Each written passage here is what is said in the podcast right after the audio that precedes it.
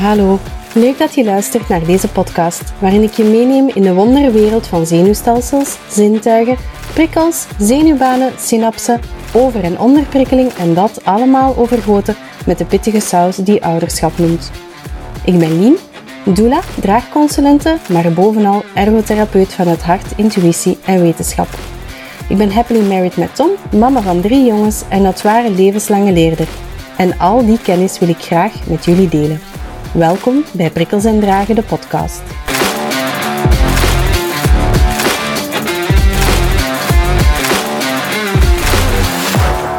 Welkom terug bij de podcast. Ondanks dat er heel veel gesproken wordt over prikkelgevoeligheid of hooggevoeligheid, bestaan er toch ook nog een hele hoop mythes. Vandaag neem ik je mee in een aantal van hen. We gaan er direct invliegen met de eerste. Prikkelgevoeligheid is de nieuwe hype.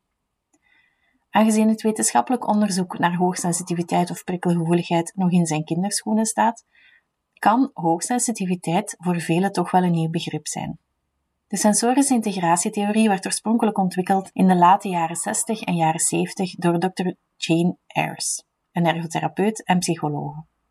Zij wou een relatie leggen tussen de neurale processen en het gedrag. Ayres definieerde de sensorische integratie als het neurologisch proces dat sensaties uit het eigen lichaam en uit de omgeving organiseert en het mogelijk maakt om het lichaam effectief te gebruiken met de omgeving. Deze quote dateert uit 1972, dus heel nieuw is het niet. In 2006 publiceerde Dr. Lucy Miller een model van de sensorische informatieverwerkingsstoornis gebaseerd op de sensorische integratietheorie van Jane Ayres. Winnie Dunn werkte die theorie verder uit. Zij ontwikkelde ook voor verschillende leeftijdscategorieën een, genormeerde vragenlijst. Een vragenlijst die ook binnen de praktijk heel veel gebruikt wordt. Met die vragenlijst krijgen we een zicht op iemands sensorisch profiel. Wij als therapeuten gebruiken heel vaak de term sensorische integratie, sensorische informatieverwerking of gewoon kortweg SI. Leerkrachten en andere zorgprofessionals die gebruiken dan meer zintuigelijke prikkelverwerking, zintuigelijke informatieverwerking of hoogsensitiviteit.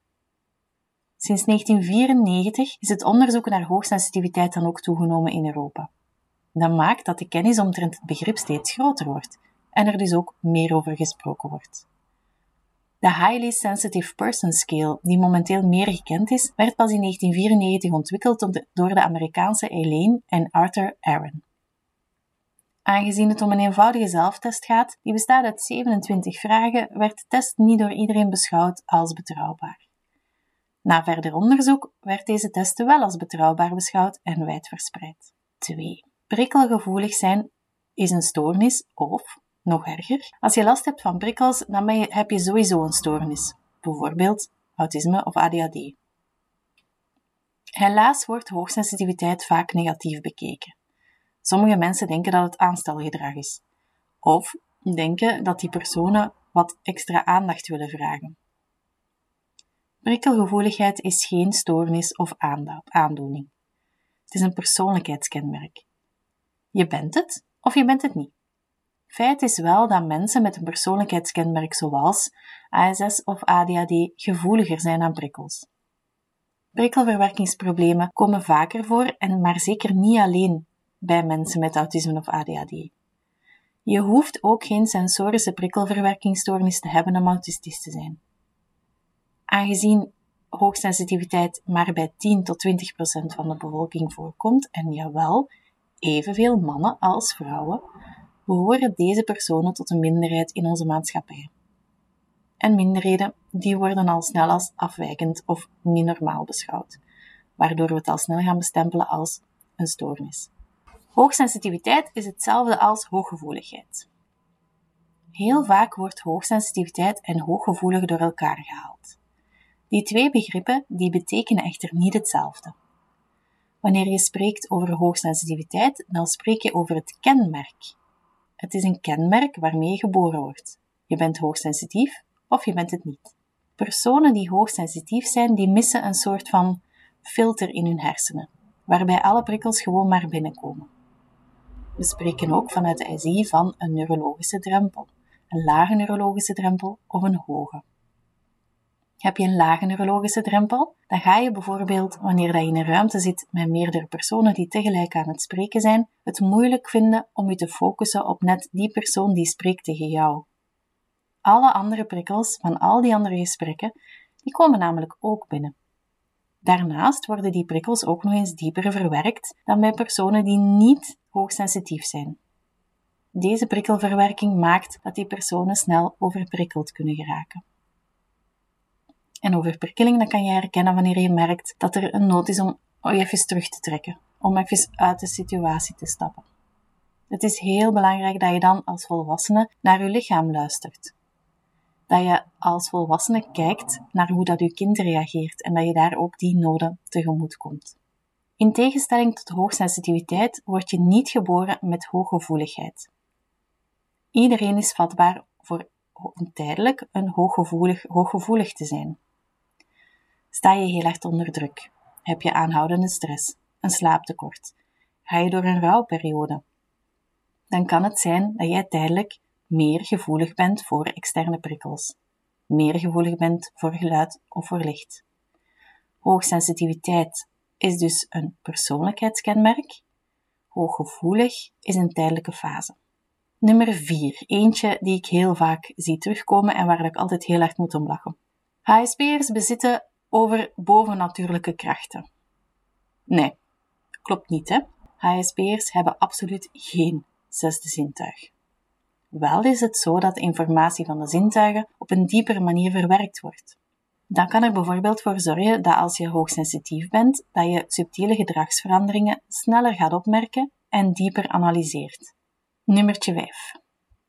Hooggevoelige mensen zorgen graag voor anderen. Nu, het klopt wel dat je als HSP'er zeer hoog scoort op empathisch vermogen. Ze kunnen ook gewoon gemakkelijker vertrekken vanuit gedachten en gevoelens van anderen. Ze kunnen ook zich makkelijker invoelen op een bij een andere persoon, zonder mee te leven vanuit eigen gevoelens. Dat wil daarom niet zeggen dat ze het leuk vinden om voor anderen te zorgen. Wel kan het een valkuil zijn van hoogsensitieve personen om steeds voor anderen te zorgen, aangezien dat dat natuurlijk zo loopt. Ze zijn er goed in, wat dat je goed in bent, ga je meer en meer doen. Nog eentje waar ik elke keer een beetje moet om lachen. HSP'ers kunnen geen leiding geven. Het klopt wel dat je als hooggevoelig persoon uh, of hoogsensitief persoon snel overprikkeld geraakt. Dat betekent nog niet dat je geen goede leidinggevende kan zijn. Integendeel. Aangezien dat je als hoogsensitief persoon heel goed kan aanvoelen wat anderen nodig hebben, kan het zijn dat je net een heel aangename leidinggevende bent. De hersenen van hoogsensitieve personen zijn ook op een zodanige manier georganiseerd dat je heel sociaal gedrag vertoont, dat je heel creatief bent. En dat zijn net heel sterke kenmerken voor een leidinggevende. Oké, nummertje 7. We gaan er vlotjes door. Hoogsensitieve personen hebben extra zorg nodig. Klinkt zwaar. Klinkt alsof het een stoornis is.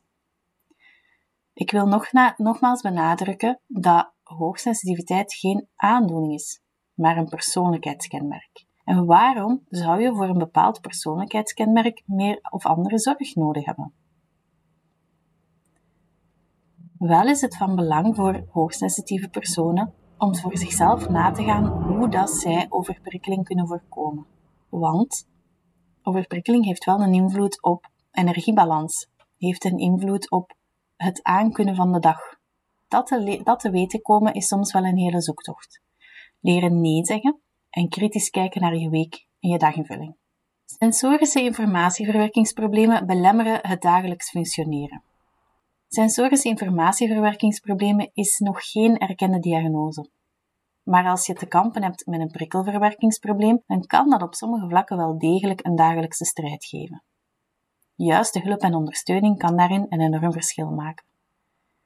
Kinderen en volwassenen met een sensorisch informatieverwerkingsprobleem ervaren wel degelijk veel problemen in hun dagelijks functioneren. Het is dus echt wel een functioneringsprobleem. We hebben vijf zintuigen die ons zintuigelijk systeem beïnvloeden. Nope. Veel mensen weten het niet, maar we hebben acht zintuigen die ons functioneren beïnvloeden. De meeste mensen, ook hetgeen wat wij op school leren, zijn de vijf basiszintuigen. horen, zien, voelen, ruiken en proeven. Er zijn er nog drie extra. Proprioceptie, bijvoorbeeld de diepe druk. Interoceptie, het gevoel van honger, dorst, het gevoel dat je naar het toilet moet gaan. En vestibulair, je evenwicht. Alles wat te maken heeft met schommelen, met autorijden. Dus we hebben er geen vijf, we hebben er acht. En sommige theorieën zeggen nog meer, maar we gaan bij deze uit van acht. Iedereen die prikkelgevoelig is, is een prikkelvermijder. Ook deze is niet waar. Je kan over- of ondergevoelig zijn, of zelfs een combinatie van beide. Sommige zintuigen kunnen prikkel hypergevoelig zijn en andere prikkel hypogevoelig.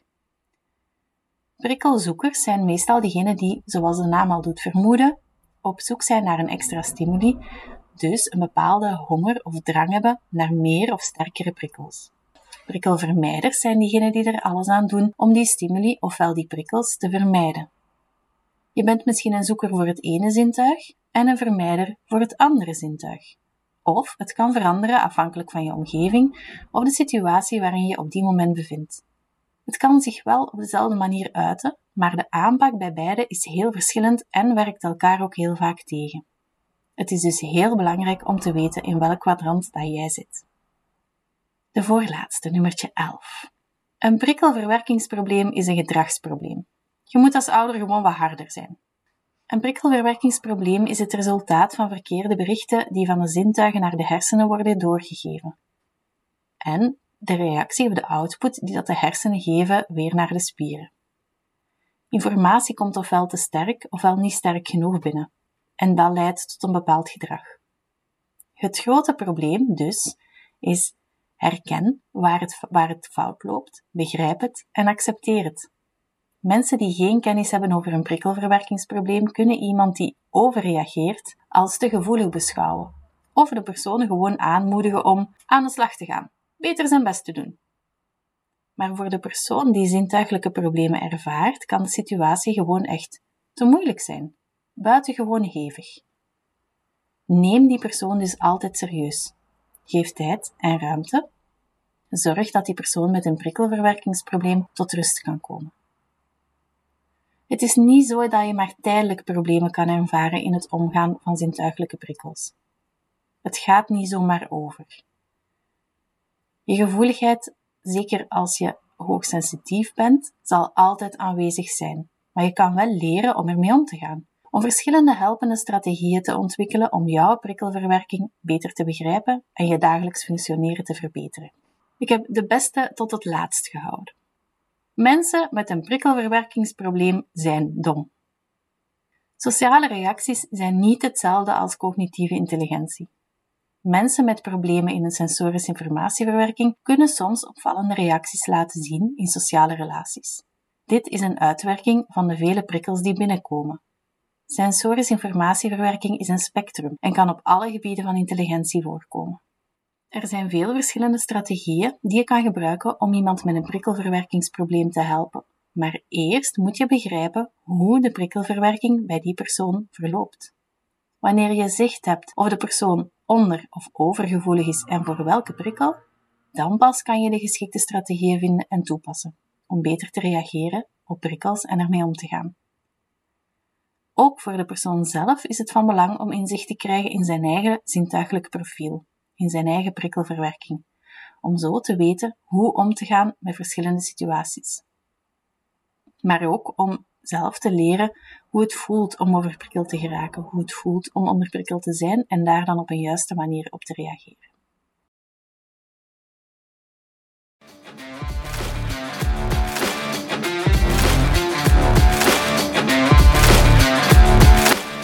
Dankjewel dat je luisterde naar deze aflevering van Prikkels en Dragen, de podcast. Vragen of reacties mag je steeds laten weten via de website www.prikkelsendragen.com of via de socials. Ken je iemand die baat zou hebben bij het luisteren van de podcast? Deel hem dan zeker. Groetjes en tot volgende week!